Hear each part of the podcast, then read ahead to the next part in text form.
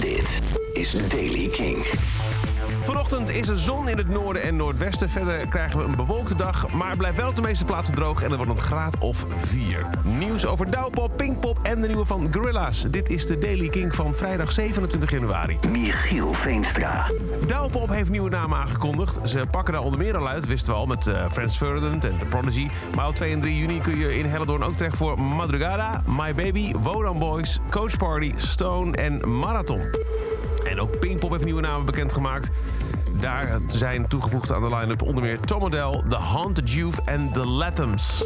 En dan Gorilla's, 24 februari, nog een maandje. Dan verschijnt Cracker Island en er is weer een nieuwe single van uitgebracht. En die heet Silent Running.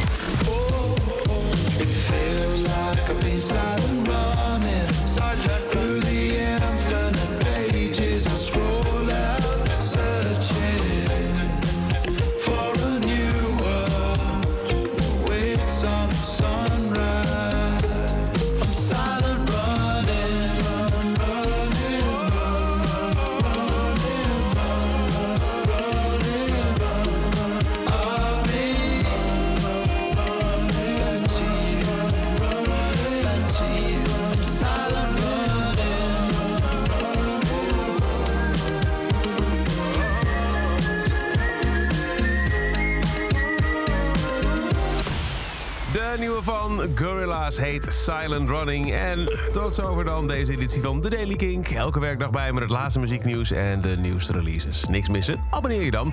In de Kink-app op deze podcast krijg je bij elke aflevering een melding op je telefoon. En voor meer nieuwe muziek en muziekreleases en muzieknieuws ook trouwens... Luister je maandag tot en met donderdag van 7 tot 11 naar Kink in Touch. Elke dag het laatste muzieknieuws en de belangrijkste releases in de Daily Kink. Check hem op kink.nl of vraag om Daily Kink aan je smart speaker.